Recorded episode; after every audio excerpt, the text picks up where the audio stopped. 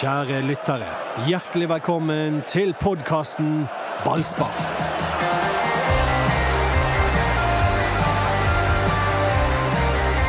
Nå skal vi ha kosetime i ballspark. Så, Går det så. an? Ja, det går an. Jeg tenkte på i motsetning til eh, de andre gangene. Ja, men du, Dodo, er jo gammel lærer, så dette er jo en sjanger du behersker. Ja, og det er jo, det er jo, det er jo sånn nå i skolen at det, det er ikke bare én kosetime. Det er jo kosetimer. Hele den siste uken er bare kos. Så Ja. skal de gå tur, og så skal de se på film. Men skal jeg si noe? Men det er ikke sånn i Brann. Nei, det er ikke sånn i Brann. Men så var på skolen i min tid òg. Erik sin òg, tror jeg. Ja. Siste Ja, det- uken før jul, den har egentlig Det har ikke vært mye ja, guts i den. Men nå har de fått helt fri. Ja, men det, ja, det er greit nok pga. smitten og sånt, men det, det er jo det er, Jeg syns jo det, er- altså, det er så strengt å ta ut uh, elever fra skolen nå. Ja, det er det. Ja. Og så skal de og så bare oppdage Å ja, de så bare Love Actually. Det var det. Vet du hva du driver med? Snikpolitikk. Ja. Um, Men det skal ikke denne podkasten handle om. alt er politikk. Det, det, det, det irriterer meg. Og du vet hva som er årets uh, ord? Politikk? Nei, sportsvaske. Sportsvaske er årets ord. Og det betyr altså handler sportsvasking, Qatar etc. Alt er politikk. Og det er masse politikk i Brann også. Ja. Ja, det er det. Hvordan er du som hjemmeskolelærer? Eh, nei, jeg er jo Jeg har jo mine Jeg er jo god på enkelte områder og helt katastrofal på andre. Sterk på friminutt. Eh, ja. Men eh, jeg, jeg er glad jeg ikke er lærer lenger, for det er en krevende jobb. Det er den mest krevende jobben jeg har hatt. Og jeg, det var noen som spurte om jeg, eh, om jeg har vært noe annet også. Jeg, jeg glemte å si at jeg har vært pizzabud. Mm. Jeg har vært postbud. Har du det? Ja. Hvor lenge varte du som postbud? Nei, jeg var, når jeg var en ung eh, 18-19 år, så hadde jeg det som eh, helgejobb og, så, og eh, sommervikar. Jeg var pizzabud i mm, ja, Da var jeg blitt over 30. Ja, Men det, jeg holdt bare tre dager. Jeg holdt en uke på det pizzastedet, men um, Men du gadd ikke levere de siste fire dagene? Jeg var ganske ydmykende. Jeg bare, jeg, så leverte jeg pizza til folk som, som kjente meg litt, og så bare så jeg at de bare tenkte Oi sann, det går visst ikke så bra med Doddoen. Ja, ja, men nå skal jeg nå, Du prøvde å lage en elegant overgang eh, i sted. Hør på denne. Ja, da sitter vi her med to som har vært vant til å levere varene, i motsetning til sportsklubben Brann, som vi nok en gang er samlet for å snakke om. ja. Hva syns du om den overgangen? Ja fin den. Ja, fin den. Ja. Takk. Så skal vi Nå skal vi gå litt gjennom eh, sesongen, og ikke bare fokusere på det som gikk i, i dass. Eh, Er ikke det sånn? Jo, jeg har lyst til å snakke litt om det som har vært gøy, for det føler jeg er lenge siden vi har kunnet gjøre. Ja, har det vært noe gøy? Ja, det, altså, det, vi kan jo begynne helt starten. Det var jo kjempegøy når Brann plutselig slo Bodø-Glimt i en treningskampen før pausen eh, på pandemien der. Altså, det kom jo en, et lite avbrekk der, men, eh, og det var vel diskusjoner om den Brannkampen burde blitt spilt. Selv den ble eh, det jo et problem av. Ja da, om Brann hadde utnyttet uh, Ja. Akkurat rukket å spille en kamp som de visste gøy. ville bli forbudt. Og det var første kjennskap til eh, Niklas Jensen Vassberg, som skårte i den kampen der. Han har vært gøy. Kniklas tror jeg er noe av det gøyeste for mange med Brann i år. Ja, Og der Ja. begynte det. Der begynte det. Der der begynte eventyret. Med, ja, det var, Og det var faktisk en utrolig god kamp. ja, men det Men Bodø- Bodø-Glimt var tydeligvis ikke så god, da. Men, ja, men de eh, var jo, de ti første minuttene hadde jo de sikkert Ja fem, fem sjanser, så det var nok eh, men da hadde vi litt troen, Doddo. Ja Jo, det, hadde- men vi vi, hadde- må være ærlige. Vi hadde troen etter den kampen der. vi, ja, vi hadde mer tro enn vi etter hvert skulle få. Da, fordi at eh, Etter den kampen så ble det en pause, Ja. hvis jeg husker rett. Eh, og da Brann skulle starte opp igjen treningskampen etterpå, så var det full, full krise. Det var full panikk. Det, var, og det begynte vel mot Sogndal. Ja, jeg vet ikke om det begynte eller hva de gjorde, men de fikk pryl i Sogndal. Slapp fikk- inn fire mål til pause. Ja, og, det, En og, det, kavalkade av forsvarsfadeser. og, og, og Sogndal stilte med B-laget sitt omtrent. sant? Var, da, da, da, da så vi konturene av katastrofen. Ja, det var jo Sogndals egen Kniklas, eh, Johan Johannesen Bakke som danset rundt med Daniel Pedersen og Brannmidtbanen. Han er vel like gammel som Niklas? Ja, jeg Så husker jo at det var et brutalt møte for Wolfe i en av sine første opptredener for, eh, for Brann. Selv om det bare var en treningskamp, så hadde han òg store, store problemer med han Eid, som spilte høyreback på Sogndal. Ja. Høyre wingback. Det går, det går en linje fra Nei, det, altså, det det, det begynte til jo eh, der, men meg og Dodo vi var jo ikke med på det. Vi ville jo ikke, vi, vi hadde troen selv om. Vi, vi tippet de på åttendeplass selv etter en katastrofal eh, treningskamper der eh, i førsesongen. Ja, vi gjorde jo det, og det var jo fordi at eh, var ikke fordi at jeg hadde så tro på det jeg hadde sett, men det, det, det er noe med at sånne storklubber som Brann, eh, hvis det går for dårlig, så eh, kjøper de seg gjerne opp eh, i løpet av sommeren, og de justerer opplegg og sånt, og, men sånn gikk ikke det denne gangen. For en gangs skyld så tippet jo Anders Parma rett, Ja, så derfor har ikke vi invitert han til denne podkasten. ja nesten. Ja, ja, man får rett. Han åpnet for at Brann vel rykket ned. 13, og så Ja, Eneste vi hørte vel som åpnet for at Brann kunne rykke ned. Ja da. Jeg, men jeg må, jeg må si at jeg hadde litt troen på Kåre. Jeg syns han kom inn på en fin måte. Det var ikke det at spillet var feiende flott, men jeg syns det var mye av det han sa, og mye av de tankene på en måte som, som ja, jeg trodde han skulle få klare å få igjennom, da, men eh, det gjorde han ikke. Nei, jeg også hadde eh, Jeg hadde i hvert fall troen på det mm, fotballfilosofien hans. eh, Det at Brann skulle spille 4-3-3 med to eh, kjappe indreløpere. At de skulle At de skulle altså for, Husk at diskusjonen før Kåre kom, det var jo det at Brann ikke var noe underholdende lag. Det var mange som sa at de mistet Brann-interessen når Lars Arne Nilsen var der, fordi at han var så utrolig lite For det var så Det var så kjedelig, uansett om de vant, eller ja, det var lite attraktiv fotball, så selv om Brann gjorde det bra et par sesonger husker Geir Herrem, som er i Åsane nå, og han var i Bodø-Glimt en periode. Ferdig i Åsane til og med. Ja, ferdig i Åsane. At han, han var jo aktuell for Brann i sølvsesongen til Brann, og han hadde ikke lyst til å gå til Brann fordi de spilte så kjedelig fotball. Og da tok Brann sølv, sant. Så, um, så det, det, Nei, det. Nei, det var den sølvsesongen. 16? Ja. Ah, ja. Og, og, og, og, det var liksom bakteppet når Kåre kom, da. At nå skulle Brann bli eh, et mer underholdende lag. Det var det vi var opptatt av da. Tanken på at, vi kunne, at det skulle koste oss så dyrt i den overgangen fra å satse på kjedelige spill med, med litt eldre, etablerte spillere, til unge, lovende og underholdende fotball. Vi, vi så ikke at den kunne bety nedrykk. Ja, Men det var jo ikke det som betydde nedrykk. Det var jo ikke satsingen på yngre spillere som betydde nedrykk. Nei, jeg hører dere sier det hele tiden, at ja, vi, ja, men det, det, Ja, der er ja, nå skal, nå skal vi beholde den gode, lune ja da, men julestemningen, men um, Men noe- midtstoppergjengen Vegard Forren, Kristoffer Barmen, Yaya Sané Da, David Wolfe ble nevnt her. Uh, altså det er, selv om du er ung og lovende, så betyr det ikke at du er klar eh, for, for Eliteserien i, i 30 kamper og med å løfte Nei. Derfor ble det Det- Ruben Kristiansen som spilte alle kampene mens Brann rykket ned. Ja, og han ble årets spiller. Yep. Ja da, men vi trenger ikke gå inn på den diskusjonen der. For det er klart, det er selvfølgelig det er en miks av uendelig mange ting eh, som gjør at Brann rykker ned. Eh, og de unge er en del av det, men det er ikke er årsaken. Nei, det, Altså, det er selvfølgelig liksom- ikke hele bildet, men det er jo at unge spillere må matches forsiktig. Ja da. Og det er jo Horneland veldig tydelig på, og det er mye diskusjon om hvilke, hvor mye Vassberg skulle vært brukt, sant? men han, han er veldig tydelig på, han er bare 17 år, han skal ikke spille alle kampene. Det jeg tror du og veldig mange andre i Bergen kjøpte av Kåre Ingebrigtsen, var kommunikasjonen hans. Ja. Hans optimisme, måten han snakket på. Ja, det blir bra, det blir bra. Ja, ja da. Hvor mange ganger sa han ja, Ja men det, vi kommer, vi kommer, vi kommer, dette blir bra til slutt, dette blir bra til slutt. Men, men akkurat det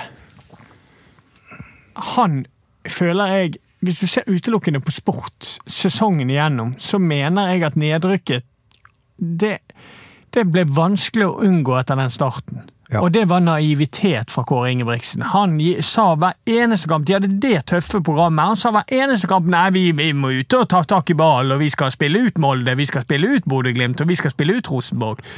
Og det blir litt sånn da erkjenner ikke du hva lag de faktisk hadde. De hadde ikke et lag som jeg tippet, eh, som jeg trodde kom til å rykke rett ned. Men hvis du hadde mønstret det mannskapet riktig og hatt riktig inngang og, og, og på en måte hatt erkjennelse av at nå møter vi noen lag som er litt bedre enn oss, og da må vi spille deretter, så tror jeg du kunne fått litt flere poeng enn, det, enn de null de hadde etter seks kamper, eller var det syv? Seks? Ja, de Seks kamper. Seks seks kamper, Og, og da også, må jeg bare si, altså, ta opp dette med unge spillere igjen. For to, av- to av, eh, av holdt på å si, storsigneringene før sesongen startet, var jo Simba og De La To unge spillere sant, som det ble satset hardt på. De skulle gå inn i, i førsteelven, og de var inne i førsteelven også. Eh, Det var jo ingen som erklærte at de skulle rett inn og spille fast for Ja, Brann. heller. Det var spennende objekter. Det var, det var, ja, men det var, jo, det var jo blant. Det var ikke så mange innkjøp eh, før sesongen. Det var ikke det. Og, og Simba men, og bare, bare for å ta med noen eh, faktorer som var med på å forklare hvorfor Brann fikk så dårlig start. Én, jeg har sagt dette før, men jeg gjentar det. Av pandemien så ble de, eh, lagene i Eliteserien delt opp i ulike puljer. Og Brann endte opp med da å skulle møte eh, fire-fem av de aller, aller beste lagene i de fem første rundene. Sant? I hvert fall de som endte på, eh, på de fire første plassene, møtte Brann de fire første serierundene. Skal jeg si hva jeg... Det, det, det er det ene jeg ville bare si, og det andre var jo også ja, Ta nå ett poeng av gangen. Ja, ok. Eh, jeg syns at fokuset på at Brann skulle møte gode lag, ble et stort problem for Brann. Ja. Det ble snakket veldig mye om det. Det ble liksom umulig å ta poeng mot Viking eller Vålerenga. Ja, men det, det Eller ikke- overprestere mot Rosenborg. Kåre lovde at Brann skulle ta poeng i løpet av ja, men han snakket også utrolig mye om hvem han skulle spille kamper mot. I Ja, da. fotball så er det jo ofte en fordel å møte de gode lagene i starten av sesongen. Ja da, og det, det, det, det Jeg- som jeg syns ble på en måte altfor mye negativ fokus på det. fordi at ofte er det faktisk ikke dumt å møte de beste lagene før, det virkelig har satt seg. Nei, nei, men- Denne men- gangen ble det ikke det. Men, men, men hadde vi møtt eh, for Ja, eksempel hvem nå egentlig? Ja, Sandefjord, Strømsgodset, Mjøndalen, den type lag. Har, har noen av Mjøndalen. de Du ville hatt ja, Mjøndalen ja, ja, men, første serierunde. ja, jeg, jeg, det hadde blitt ett poeng. selvfølgelig har- når vi vet hvordan det gikk senere også, men da hadde jo Det var jo det du begynte med å si nå. Da hadde Brann kommet dårlig ut. Da hadde vi allerede kniven på strupen, og da, sesongen var på en måte ødelagt etter de seks første seriekampene. Ja da, for da blir du alltid halsen etter. og Det er jo Ja. derfor folk er jo veldig sånn på, på at Horneland han gjorde jo ikke de så veldig veldig mye bedre, men det er noe eget med altså Det er noe å starte på null poeng, der alle starter på null, og så tok han over en skute som lå sist. Det betyr at hvis du, hvis du starter på null og vinner noen kamper, og så ligger du trygt plassert midt på tabellen, så har du plutselig råd til å plutselig havne i en, i en, eh, i en eh, situasjon der man ikke eh, vinner kamper på en stund. Det har man egentlig ikke råd til i, i situasjonen som Brann havnet i midtveis. Denne, dette året klarte de faktisk å redde inn kvalik, selv om de gikk ni eller ti kamper uten seier på høsten der. Men det skulle egentlig ikke vært mulig. Det er på en måte takket være Stabæk og Mjøndalen. Ja, det Og, det er altså, og den Stabæk-kampen, da, etter at dette tøffe programmet ble unnagjort, så får Brann en gresskamp mot Stabæk, rett nok på bortebane. Der har jeg et stort utropstegn for Brann året 2021, at de tapte den. Og den må de dele med dommeren. Ja, Faktisk. ok. Ja, for det er jo Det var vel eh, det var jo Brann som først Jeg, jeg, tror Simba ble, jeg tror det var Simba som ble feid ned inne i 16-meteren til Stabæk. Og ikke fikk straffe. Det er det klareste straffe jeg noensinne har sett som ikke ble dømt. Jeg tror det var Simba, så får folk det korrigere var meg. Simba når du hvis det er feil.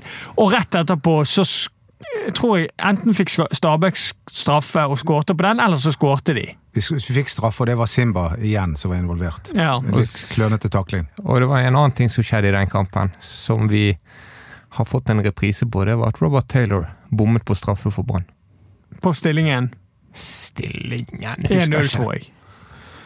Ja. Ja, så Men de fikk jo jo en straffe. det er jo tegn for et lag i motgang. Du begynner, og de, de har jo bommet flere straffer enn de har truffet. Ja, Men at, at de taper mot Stabæk i den kampen, det ser jeg som en konsekvens av at tapet de fem første. Da, da, hadde, de, da hadde de mistet selvtillit. Nei, men det er jo ikke klart, de, de er ikke, det er ikke et lag i flyten. De, de, de har opplevd motgang. Men det og de var ikke Stabæk heller. Nei, Det men det to var- lag men, uten flyt. Men, men det, det er ikke bare det at Brann har tapt de fem første kampene, og flere av de på litt uheldig vis eh, med, i sluttminuttene. Men det er jo også det at det var et lag som har vært i motgang før. Hele fjorårets sesong var jo også en lang, lang nedtur. Men det var ingenting som tydet på det de første, den første halvtimen i, i, på Naderud, For da var faktisk Brann det klart beste laget, og der inne i den perioden burde de hatt et straffespark. Ja, men det, det er jo det som er poenget mitt. Lag som er i motgang. sant? De, de knekker, veldig- ja, de knekker lett sammen, og de, og de får ikke marginene på sin side, side og, og, og så følger uflaksen. Men det er ikke veldig vanlig at et lag er i motgang, for det skal faktisk dette Brannlaget ha. De har klart å mobilisere på nytt til hver eneste kamp, uansett hvor mange blåveiser de har fått. Det har de faktisk vært flinke til. Så har ikke de klart å være flinke nok til å stå distansene. Men åpningene av kampene utover denne sesongen har alltid vært ganske bra nivå på. Så, så det, der kan Brann ta med seg at de har i hvert fall klart å hele tiden holde troen på det. har nesten vært et større problem de gangene Brann har tatt ledelsen. I Kristiansund og i Sandefjord. Ja.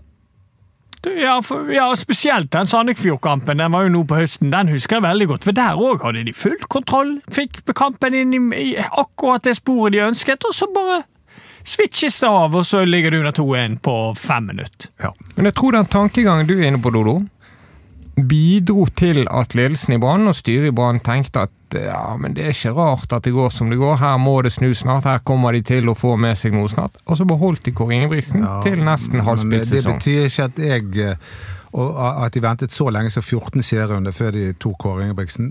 Det hadde ikke jeg gjort. Eh, og, det, og det handler jo eh, ganske enkelt om at eh, Men så er jo du, du må jo gå inn og ta grep og ta Altså, du, du Når Kåre for, foran hver kamp sier 'dette ordner seg', dette ordner seg, og så er det ingenting som ordner seg, så, så må du bare ta konsekvensen av det. for Det er et så ganske- stor, storlag som eh, Brann. Jo ganske tidlig i sesongen hvor de der statistikkene kommer med at ingen lag har mm. klart seg etter den og den starten. Altså, Ja.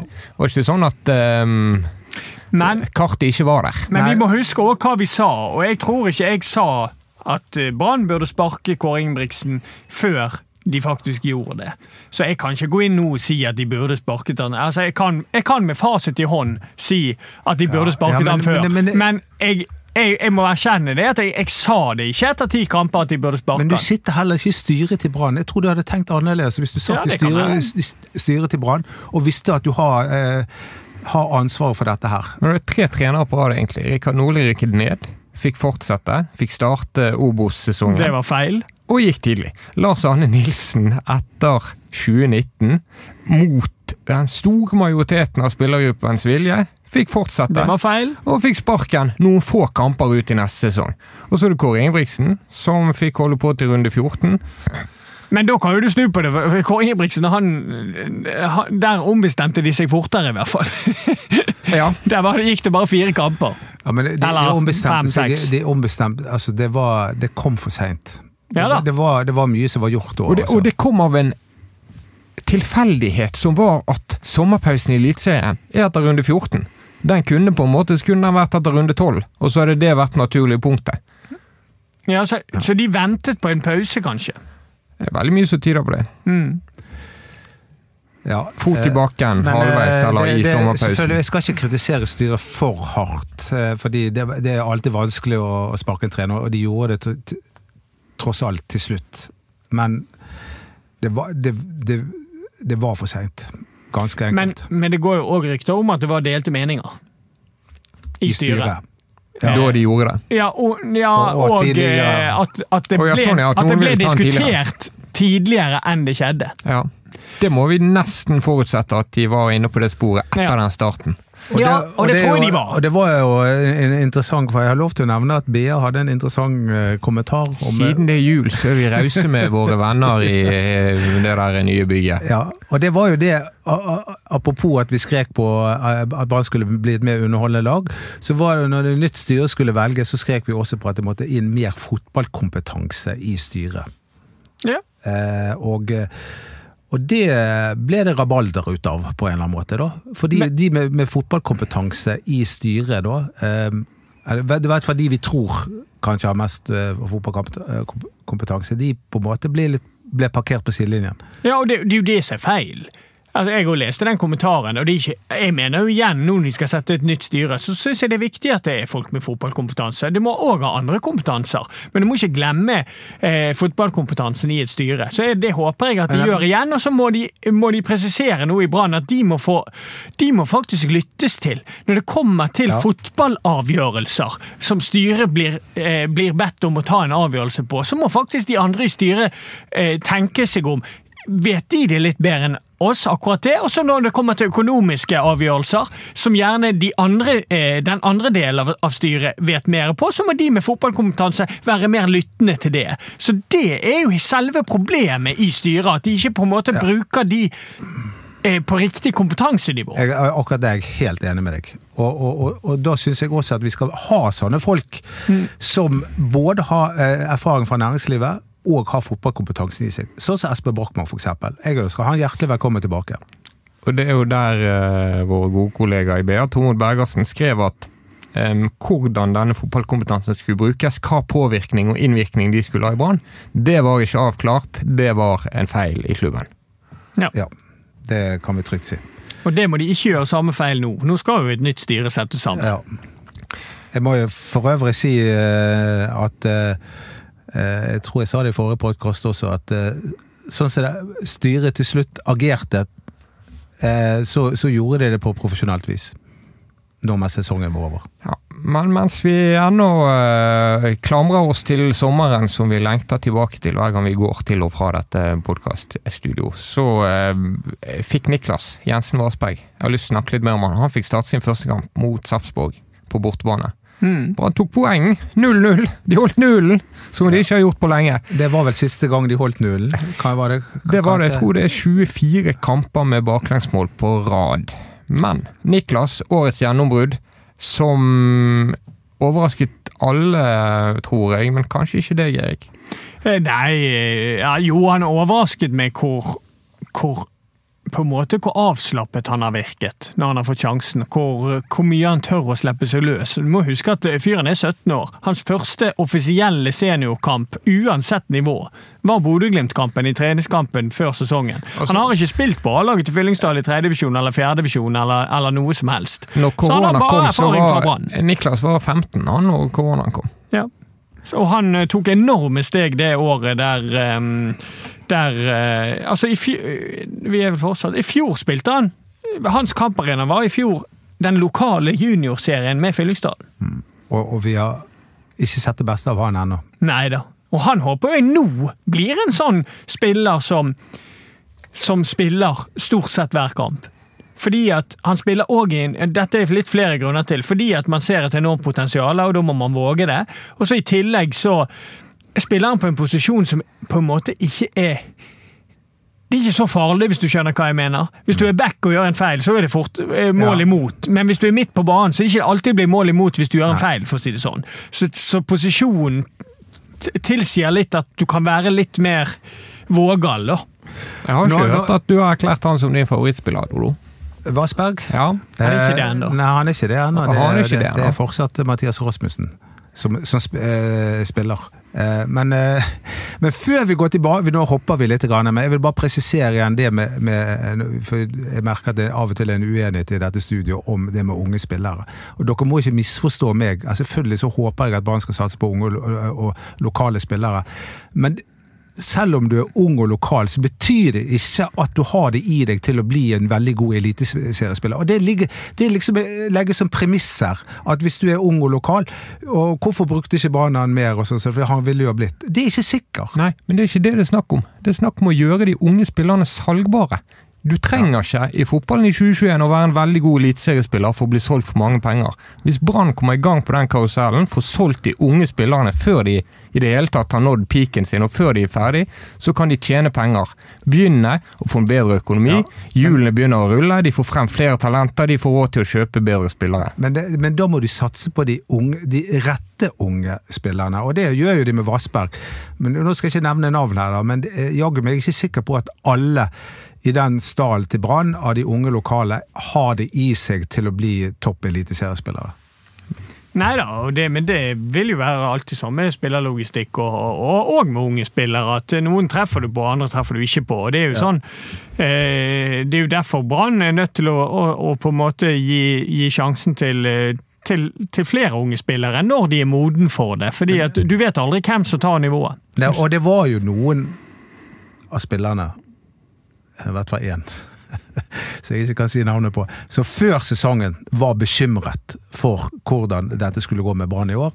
For han mente det var for mye ungt. Men se på nedrykket mot Jerv, da. Lennart står i mål, han slipper inn fire. Han redder ikke en eneste straffe. Han har avgjørende tabber mot Mjøndalen og Stabæk. Ja. Jeg, han, han er vel kanskje en av de du mener er en ung spiller, men det er en signering utenfra som Ja, hentes det, inn. ja, det er det. Som Brann ikke kunne tjene penger på. Wayeba Sako bommer på straffe, Robert Taylor bommer på straffe. Bård Finne bommer på straffe i kampen. Mathias Rasmussen bommer på straffe i kampen.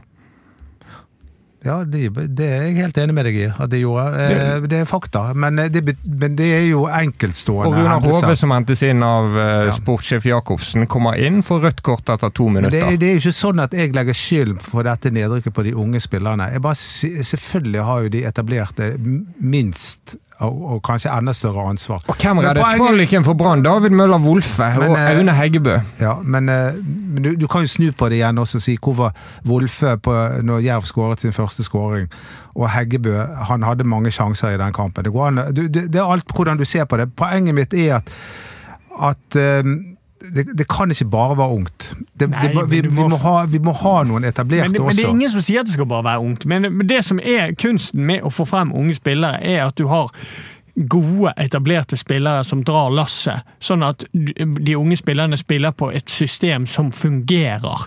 For da er det enklere for de unge spillerne å slå igjennom. Det som har vært utfordring for alle de unge spillerne eh, i år for Brann, er at de har spilt for et lag som ikke fungerer. Og mange av de ble etablerte har ikke gått foran, og derfor har de unge spillerne slitt med å slå igjennom, med unntak av noen. Ja, og så var det den overgangen fra eh, hva skal jeg si, Lars Arne Nilsen sitt eh, velde til, eh, til eh, Kåre Ingebrigtsen overtok og skulle satse på de unge spillerne. Kanskje var det en overgang. kom den for kjapt. Ja, det er mulig den har gått for fort. Men, eh, men vi, vi den er, det- der, så det- dette kommer vi til å diskutere en haug med ganger Ja, men det er til og med. Stig Lillejord, som er agenten til David Møller Wolfe, han sa jo kanskje det kan være lurt at han ikke spiller de første kampene, gi han roen. Og, og, og, Men altså, du, det du snakker på en måte som om Brann gjennomgående har brukt David Møller Wolfe. De har jo ikke de har gått for Ruben Kristiansen. Kolskogen har spilt en del, men eh, ikke alltid når alle har vært tilgjengelig. De har hentet Nei. inn fire erfarne midtstoppere Ja, i hans eh, sted. Eller fem ja, men de det var- det kanskje hentet. Ja, men det var jo fordi de ikke ehm, De var ikke trygge nok på f.eks. Kålskogen, og dessuten så var det ikke nok midtstoppere. Og da, når du kom skjevt ut, blant, ikke bare fordi de kom skjevt ut sportslig, men fordi de var uten sportssjef og fordi de hadde, var helt elendige på spillerlogistikk, så ble det panikkjøp. Ja. Men kanskje noe av det beste som har skjedd Brann i år, eh, eller det lureste de har gjort, å starte med Niklas Jensen Vassberg i Bodø. Han eh, mot et lag som har vist seg ute i Europa, som alle er oppmerksom på og følger med på.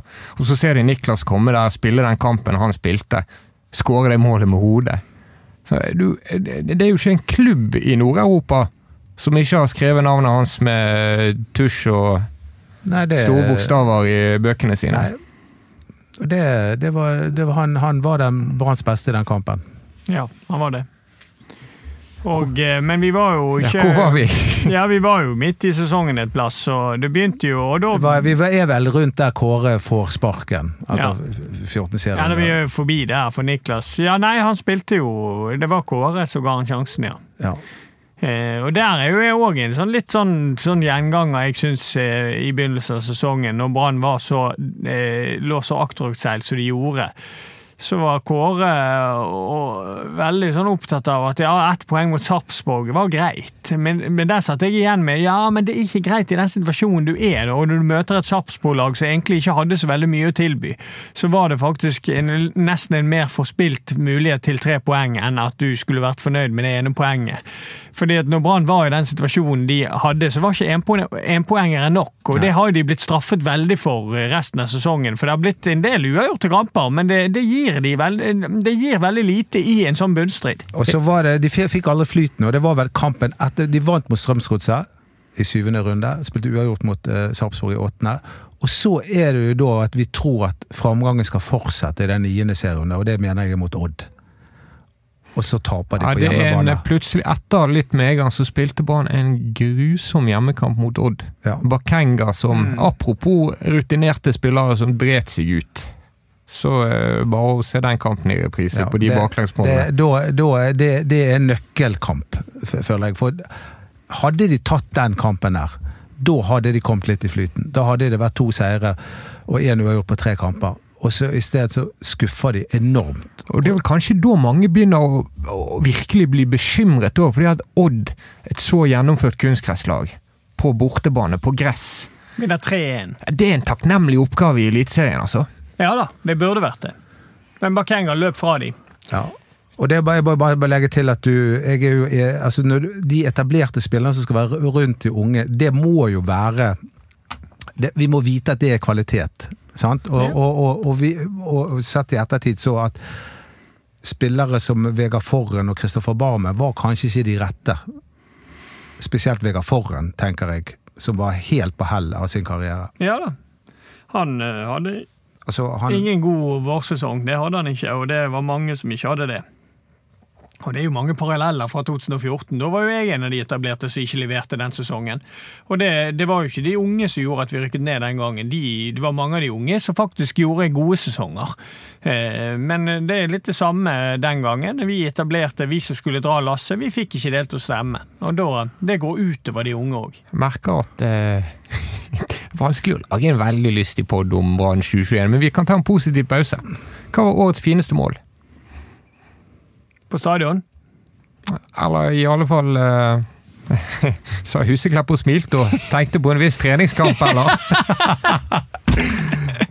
og kanskje ballsparkshøydepunkt, Der burde de skjønt at dette går ikke, når, du, når en uh, aldrende stokk løp, løp igjennom der og, og skårte. Og utløste et uh, ja, ja, det gjorde det òg. En sammenkomst etterpå. Ja. Det var etter uh, Brann spilte mot uh, treningskamp mot Fyllingsdalen og deg, Erik, at uh, spillerne tok seg en aldri så liten fest. Var det et av de gøyeste målene du har skåret? Nei, det var jo noe eget å skåre på når du var på Brann-spiller eller Norge-spiller så foran eh, fullsatte tribuner. Det, det, er jo noe eget. Men han, han smakte godt. Det, det, det, var på en måte det jeg tenkte jeg kunne få ut av den kampen der. Hvis jeg ikke bare får inn en skåring, så, så, hadde det vært gøy. Hva er det fineste Brann-målet, da? Nå kommer jeg ikke på noen eh, det, har jo vært noen Aune Heggebø-mål som har, gledet noe enormt. altså sånn, Hvordan han på en måte har Brytt Ja, rett og slett. Kommet seg fram imellom uh, Aha, det er en to stoppere. Ja, sant? Krangler seg fram. Nei, og... Årets mål må jo være det borte mot Lillestrøm. Der han går fra egen halvdel ja. og bare bryter seg gjennom ja. alt og skårer 3-2-målet. Ja. Det er for meg årets mål. Ja, og det var så viktig mål også. Mm. Så um, ja, vi, vi, holder på Aune Heggebø som og, Lillestrøm borte. Og så får mm -hmm. andre på kommentarfeltet Der Brann vant. Ja. På gress. Ja, og, og, og, apropos Aune Heggebø. Sant? Der har du en ung spiller som jeg mener det må satses på. Til tross for at ikke han presterte i hver kamp. Han er jo ikke matchet forsiktig, han er bare matchet kastet inn i det. Nei, nei, han spilte veldig lite i vårsesongen. Eh, først og fremst fordi Bamba eh, var der, men også fordi at han han, Ifølge Kåre Ingebrigtsen så tålte han ikke helt treningsmengdene, for han var, var, ikke vant med så store treningsmengder og var en del småskadet. Bamba kom jo i siget før han stakk tror han hadde mål i fire eller fem av de siste kampene han har spilt for Brann. Ja, han var jo inne i en av de periodene sine. Det var jo litt sånn med Bamba. Enten gikk han en haug altså, med kamper uten å skåre, eller så plutselig begynte han å skåre i hver eneste kamp. Han begynte å skåre når han ble plassert ut på kanten. Ja. Men der er det en viktig presisering, for det er veldig mange som sier at Bård Finne han kan ikke spille kant. Men han spiller ikke kant, og det gjorde ikke Bamba heller. De spiller uten kant. Begge, De har laget en rolle for en spiss på den høyresiden. Og det ser du tydelig i kampene, og det er veldig sjelden du ser Bård Finne eller Bamba eh, var ute med krittet. Så de, de, de spilte en, en slags skeiv 4-4-2, eh, etter min mening. Fordi at eh, de har liksom ikke spilt kant, og, og jeg syns det er helt riktig i forhold til Finne, da. Så, så mener jeg at det er ikke hvis du spiller 4-3-3, så er det en sånn rolle du må lage til han. Ellers er det ikke posisjon til Bård Finne. For han er ikke en spiss i 4-3-3. For en, en spiss i 4-3-3 skal helst være et lite bindeledd, et oppspillspunkt, sånn at du kan få mer folk i angrep. Og det, det kan ikke Bård Finne. Det er ett uh, Bamba-mål jeg husker, og det var Kåre Ingebrigtsens siste kamp mot Mjøndalen.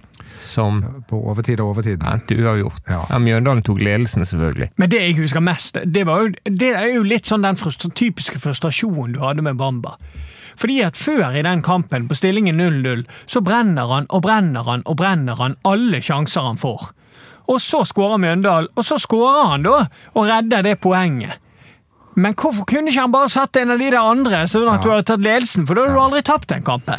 Og Det var litt frustrasjon med Bamba. Han skårte ikke alltid når du virkelig trengte det. Og hvis de hadde vunnet, hadde de kanskje beholdt Kåre Ingebrigtsen litt til. Ja, det hadde de nok. De, hvis de hadde vunnet mot, mot Mjøndalen, ble vel siste kamp. Det ble hans første og siste kamp, det, faktisk. Hans første kamp som Brann-trener var 0-1 hjemme mot Ja. Mjøndalen. Ja. Blir det mer passende? Ja, Det er jo Brann oppsummert. ja det er det. Så det, Og da, da skulle Han lovde jo oss at, eh, at eh, i løpet av 2021 så skulle, eh, skulle Brann eh, bli et lag som klarte å spille ut eh, lag som lå dypt og kompakt. Og eh, den, eh, den gåten har ikke de løst ennå, og den blir jo desto viktigere i 2022. ja, men den er jeg litt uenig i. Ok, Fordi at det der Jeg syns de er i bedring mot etablert. ja, det er de. Ja. Men det er jo ikke godt nok. Nei, men de er jo veldig i bedring. Altså, mot Jerv, eh, for å ta den kampen, så Det er mot etablert i to ganger 45 minutter, Ja, og de har og så skår- avslutninger på Ja, mål og skaffer to de- De skårer jo bare én gang, altså. Jo da, men, men det Hvis du ser på det fotballfaglige der, så er du altså Du kan trene så mye du vil på avslutninger på treningsfeltet, men det å ha evnen til å sette i kamp, det er en egen egenskap. Det er ingenting Du kan ikke si at Brann er dårlig mot etablert etter Jerv-kampen. Det er jo på en måte begge straffesituasjonene. Hvorfor, eh, Det er ikke tilfeldigheter at Brann får det. Det er jo fordi at de spiller så godt etablert at, at to ganger så blir Jerv så i nød at de kommer med desperate siste forsøk. Han ene har løfta hånden sin, blir truffet. Desperat forsøk til å hindre en fri Bård Finne. Den andre er det Bård Finne igjen, som er helt fri. Norheim, helt desperat, prøver å takle korrekt straffespark. Så det er en Akkurat Jerv-kampen er jo et eksempel på hvor langt de faktisk har kommet mot etablert. Eller at nivåforskjellen var for stor, da. Men det var i hvert fall et veldig tydelig på bilde på meg at de har kommet et stykke mot Det er helt absurd at du sier at nivåforskjellen var så stor. Han var jo det. Han var jo større enn det. Vi, vi, vi snakket jo veldig mye om nivåforskjell fort, eh, nei, før. og eh, vår faste lytter Erik Hanøy var ute med et innlegg òg og mente at nivåforskjell ikke var så veldig stor. Eh, hvis du ser den kampen der, så var nivå, nivåforskjell mye større enn jeg trodde. For Brann var jo ekstremt mye bedre enn de spillmessig, men, Men så tapte de kampen. Ja, det, er helt, det er likevel ganske absurd. Ja. Ja, det er Jeg, jeg fikk oppleve på vei til denne podkasten Jeg traff Dodo nede i foajeen. Fikk oppleve det som er Dodos liv om dagen. Bli påminnet nedrykket av folk han kjenner, eller kjenner litt, eller ikke kjenner. Hvordan går det, Dodo? ja, ja det, altså det er ti ganger daglig. Av eh, både bekjente og fremmede. En belastning i hverdagen. Men så Ja, det, jo det er belastning, det er belastning fordi at eh, det, det er greit nok å få det av, av andre Brann-supportere, på en måte, da, for jeg vet at eh, det, det ligger en empati der. Da. Men for folk som egentlig ikke bryr seg, og Ja. nær- nærmest smiler av det, det, det er litt verre. Slutt med det, men de hører ikke dette, så Men eh, Nei, de gjør ikke det. Eirik Horneland-tiden, må ikke vi inn eh, der nå? jo. Og det er en av de, var det den første mot Sandefjord? Ja. Ja, det var det. Og det, var jo en, og det er jo litt sånn Der var jo det på en måte ingen tegn til bedring, eh, men de vant. Ja. Det var en kamp de egentlig burde tapt. Men du, er ikke den første er er den første kampen mot Fyllingsdalen? Altså den treningskampen, er det Horneland sin Ja, det var noe med Bjarg og Fana i cupen. Ja, de hadde- Bjarg, og så- hadde de Fyllingsdal, og så kommer nachspielet. Så det, det første eh, Horneland får oppleve som branntrener, er jo å bli kastet inn eh, i denne saken med nachspielet, som er en sak i seg sjøl, og så blir det mange saker i etterkant, f.eks. Mm. med Mathias Rasmussen. Ja. Og så er det liksom, bare hele måten vi snakker om Horneland på, er som at han kom inn som en ny ressurs. Men han var jo med fra Ja. i fjor høst. Assistenttreneren til Kåre Ingebrigtsen, som trente laget i det daglige, selvfølgelig etter instruks eller i samspill med Ingebrigtsen, men han var jo selvfølgelig tungt involvert i den dårlige sesongstarten Det er typ, også. ve- veldig typisk Brann å ansette assistenten. De gjorde jo det med Rune Skarsfjord også, Mo- Mons Ivar Mjelde, Kalle Bjørklund. eh, Mons Ivar Mjelde var vel andrelagstrener, hvis ikke jeg husker helt Kan feil. Jo, men eh, I slutten av eh, 2002, eh, da det gikk dårlig, så ble han eh, tatt inn, i, eh, inn på A-laget. Ja, ok. For han, han hadde så god innflytelse, spe- Men første gang- på de unge spillerne. Første gang på en stund det skjedde, da. Altså ikke etter Nordling, ikke etter LAN. Ja. Nei, det var um, Nei, Horneland hadde jo vært der hele tiden, men vi, det, og det var jo veldig merkelig eh, Jeg vet hva, jeg har aldri sett noe sånn Altså den fordelingen mellom Kåre og, og eh, Ja, men det, det er jo den du ser det jo mange steder. Det var Ja. jo på en måte Kåre en slags manager, og Ja. Hornland tok treningsfeltet. Ja, for, for de, på, på selve treningen så sa Kåre nesten ingenting. Han bare gikk rundt. Det er en veldig sånn engelsk modell. ja. Mens Horneland styrte eh, skal jeg, aktiviteten av øvelsene. Og så tok Kåre praten i etterkant, sånn som jeg forsto det. I forkant og etterkant. Ja da, men det nachspielet, før, hvis dette skal være en lystig pod, så tror jeg vi ikke snakker så mye om det. Det tror jeg vi kan hoppe over og gå til den Sandefjord-kampen, som Vi ble på grunn av nachspielet ble veldig spesielt. Og Ja. Brann, for det første var det spesielt fordi Brann klarte å vinne en kamp. Og så var det nystemten etterpå foran Storestå med alle i Brann. Og så hadde Brann eh, hentet en del spillere eh, i Det hadde de gjort. kampen. Mange spillere inn. Um, det var sånn uh, supporterprotest i tillegg, med stillhet i 19 minutter og 8 sekunder. Men det, det som skjer i etterkant av den kampen, er også, det, jeg synes det er også viktig å ta med. Vi skulle ikke snakke så mye om men det, det skaper en uro at at det er noen av spillerne som ikke vil gå ut og fortelle at de var med på det.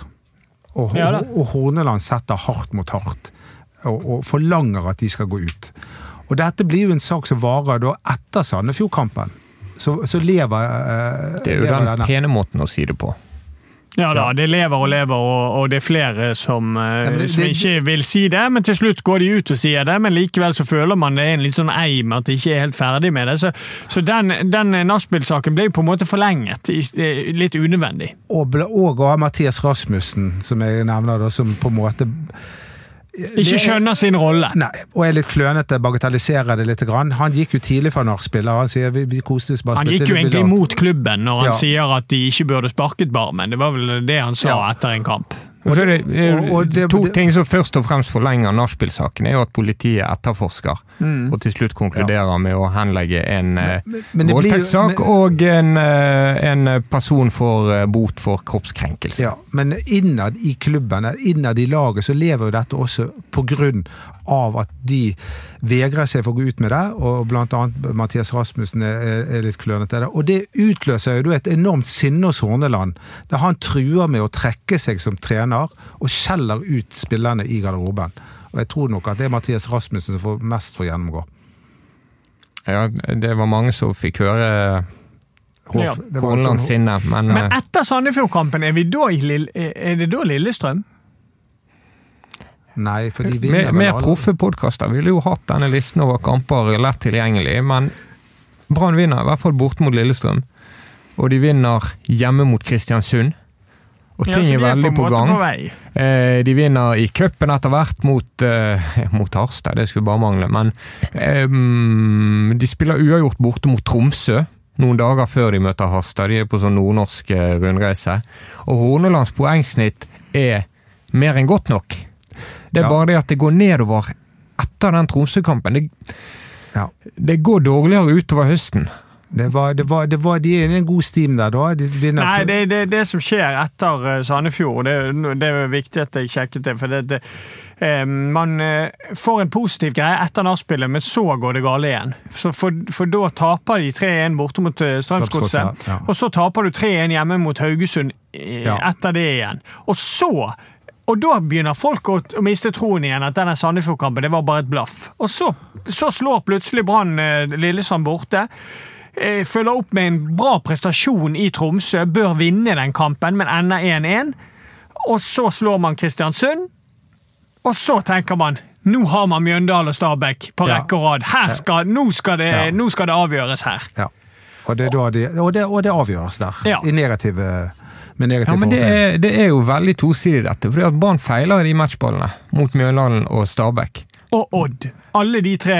Det er på en måte tre Odd. lag som du tenker at Odd var såpass dårlig form da. Du kunne, Hvis du hadde slått Odd i Skien, så kunne du tatt igjen de òg. Ja. Og kanskje reddet plassen direkte. Men, men Brann havnet jo til slutt foran både Stabæk og Mjøndalen.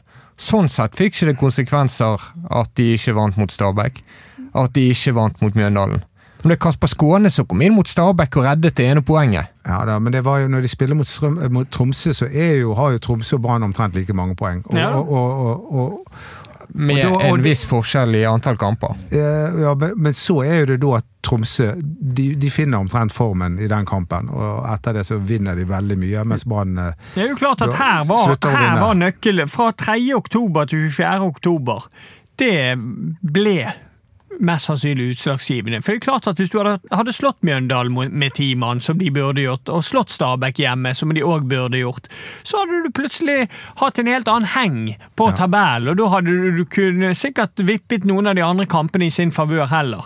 Men etter Odd-kampen så, så havna jo Brann Da mister jo det litt igjen. Altså, da taper de mot Viking hjemme i denne vannpolokampen, som ja, det er vanskelig å gjøre så mye med. Det var Man skulle ønske at det vippet i Brann sin favør, men Ja. Viking var kanskje litt smartere i Det var- måten de det det gjorde det på. Du, har- helt 100 rett, Odo. Brann var bare to poeng bak Tromsø. Ja, det var det, vi, vi, vi, da, På det tidspunktet så drømte jeg i hvert fall om sikker plass. Det er etter Tromsø-kampen det går galt. Ja. For da blir det tre poeng på de tre neste kampene. Så taper de mot Viking, så taper de mot Vålerenga. Så kommer Rosenborg på besøk. Et skrekkelig dårlig Rosenborg-lag. Brann gjør en veldig god kamp, men klarer ikke å vinne. Kanskje deres beste sånn rent spillemessig. Og så kommer det Sandefjord. Får en perfekt start, men uh, igjen er det plutselig en, en femminuttersperiode man bare switcher av og ligger under 2-1. Redder et poeng til slutt der. Og så er vi på Molde-kampen, som òg er en ok prestasjon, men uh, Molde har kvalitet med Eikrem der uh, Brann bommer. Taper 1-0. Og så er vi i Bodø. Og resten er vi veldig nære. Ja.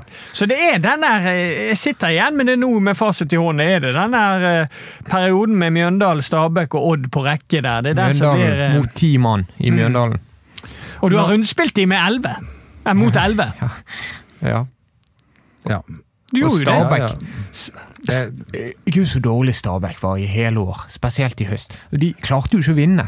Stabæk, Det var jo en ukentlig gave til Brann fra Stabæk og Mjøndalen. Vær så god, vi tapte igjen. Brann, jeg sa det den gangen. Haugen var jo ikke enig med meg, men jeg sa det etter kampen mot Ballspark, nei, på Ballspark etter kampen mot Stabæk. Hadde ikke Lennart Grill kastet den ballen i mål, så hadde Brann vunnet den kampen der. Og kanskje må vi um, Ja, eh, keeperlogistikken er jo nesten en podkast i seg sjøl, men den Men, der, Skal vi men vi nøye oss på å si at- Ja, da, men det er fordi at jeg føler at de, de, de andre årsakene til Brannrykken nå, nå snakket vi egentlig bare om, om, om det sportslige og resultatene. Vi var litt inne på nachspiel, men vi har jo ikke snakket om spillerlogistikk, eh, om eh, sportssjef. Det har vi gjort nok. Eh, Det har vi Ja. gjort nok, så derfor tok jeg ikke det opp. Og så skulle dette være en lystig julepod. Årets Spiller. Er du enig med Dodo at det er Ruben Kristiansen? Nei, jeg har Robert Han er Robert Taylor. Det syns jeg eh, jeg, jeg støtter jo deg at han har vært en utrolig viktig spiller i år. Ja, for, for, for når Brann eh, Ja, for jeg, jeg erkjenner jo det at Brann har hatt utfordringer med å spille mot etablert forsvar. Eh, og jeg syns de er på bedringens vei, men derfor har Robert Taylor vært vital for Brann. Fordi at du har vært avhengig av at han har kunnet trylle litt. Og det har han gjort til dels. Det å, å, levere 14 målpoeng på et lag som, som til slutt rykker ned, det, det skal ikke du kimse av. Det er ganske godt gjort, og det var en periode der du nesten altså Det endret seg litt nå mot slutten, da, men det var en periode jeg satt og tenkte at hvis ikke Robert Taylor hadde dagen, så så jeg ikke lyst på det offensivt for Brann. Det var liksom X-faktoren. Ja, han var det. Og, og Anders er uenig med meg. Han, han, Det er derfor det er så eh, deilig at han er hjemme. Nei, Ja. Men jeg, jeg forstår jo, selv om jeg støtter deg, så forstår jeg frustrasjonen som Anders eh, opplever, og mange andre opplever med Robert Taylor. Sant? Fordi at han er en mann som prøver mye, og mislykkes ofte. Ja, men, men da kan jeg si til alle de at hadde han lykkes på alt det han prøver på, så hadde ikke han spilt i Eliteserien. Det er jo Hele grunnen til at han spiller i Eliteserien, er jo fordi at han ikke lykkes hver gang. For han har jo et repertoar og et ferdighetsnivå som er veldig veldig høyt, men han er for dårlig på valg. Hadde han, vært, eh, hadde han valgt bedre, hadde han truffet på 90% av valgene sine som han gjør ute på en fotballbane, så hadde ikke han spilt i Norge. Nei, Det er en merkelig øvelse. Etter dette året skulle vi prøvd å sette opp den beste elveren i 2021. Det har vært veldig mange utskiftninger, og sånn, så det er ikke så rett frem som eh, man kanskje tenker. Det har jo vært eh, Brann har jo fire keepere, eh, men eh, eh, det er vel bare tre av de som har spilt. Men Ja. jeg tror jeg velger han fjerdemann som ikke har spilt, jeg, i mål. Hvem er det? Markus Olsen Ja. Pettersen. Ja, vi velger han. Ja, vi velger han i mål. Ok, det sier mye om sesongen. På høyrebekken så begynte, Da blir det Felix. Ja, det begynte med Blomberg, men Felix Horn Myhre kom inn. Ville, han kom jo til Brann for å slippe å spille høyreback. Ja. Gratulerer med plassen som årets høyreback. Ja. Ja, Midtstoppere. Den er klink, mener jeg. Det er Pallesen Knutsen og Jaffet Seri Larsen. Ja, det er jeg 100 enig med. DG. i. Ruben Kristiansen. Ruben Ja, det må det bli han, selv om David Wolff hadde en uforglemmelig kamp mot Sarpsborg. Midtbane. Blir det litt uh, vanskeligere. Sivert Sivert må jo bare inn. Ja. Uten Niklas. å ha vært fantastisk uh, Ja, han har tilbake ikke i banen. Men, uh, men som dyp midtbane så bør han være selvskreven. Jeg vil ha inn Niklas. Jeg, og jeg også mener han skal inn, bare for å peke ut uh, retningen. Han har vært så god i de få kampene han har spilt Ja. at han har vært bedre enn Petter Strand, f.eks. Da vet jeg hvem du vil ha inn. Jeg vil ha inn Mathias Rasmussen, selv om han har gjort mye rart. Men uh... Jeg sliter med å finne alternativ. Jeg har jo egentlig lyst til å si eh, Daniel Pedersen fordi at da var de mye mer solide defensivt. og Da så du en helt annen trygghet i laget defensivt, men han er jo bare skadet, så jeg kan jo ikke ta han inn. Så det får bare bli Rasmus. Hva med Kasper Skånes, som spilte alt i starten? Spilte Nei. første halvdel, var Kasper Skånes benkers på Ja, laget. og han han var spilte, okay. kant, han spilte kant også, da. Ja. Ja. Mot Rosenborg. Han hadde en veldig god kamp mot Rosenborg borte. Og de opp, tre oppe er jo de som har stort sett spilt på høsten, må, må jo det være. Nei, vi tar Bamba inn istedenfor Finne. Ok, Bamba som kantspiss, Heggebø i midten, Hva Robert? Taylor til venstre. Jeg var, var litt usikker der, fordi jeg føler at eh, Nei, Jeg syns Bamba har mer å tilby enn Bård Finne. det har han. på en Hadde Brann rykket det- ned hvis Bamba hadde spilt i den posisjonen? En fornøyd Bamba, en som ikke egentlig ville vært et annet sted? Jeg tror at de hadde hatt større mulighet. Jeg syns Bamba har mer å spille på enn det Bård Finne har. Ja, Det er litt sånn som Robert Taylor. Han, han kan gjøre noe på egen hånd. Mm. Jeg, Jeg, jeg velger Bamba i foran Finne. Og Heggebø og Taylor.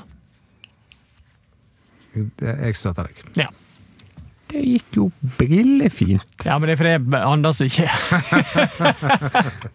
Noen fordeler må vi ha når vi møter på jobb. ikke jobb. tillatt uh, Rasmussen inn, tror jeg. Eller Robert Taylor.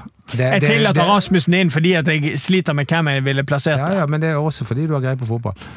Skal vi, skal vi kåre årets trener i Brann også? Ja, det, det Asa Karadas, Brann 2. Robert Hauge, det var i fjor. Da vant han én kamp. Um, nei, det må jo bli, selvfølgelig bli Horneland. Ja da, hvis vi hadde kå- kåret Kåre nå som årets En liten sånn twist på slutten. Det hadde vært gøy, da. Ja, og så um, Årets styre. Oi, oi, oi, oi, oi. Årets, årets daglige leder. Dodo, hva hadde du sagt hvis du uh, før seriestart, dagen før seriestart hadde vite, fått vite at uh, Kåre Ingebrigtsen skulle gå inn i julen som sportssjef i Åsane?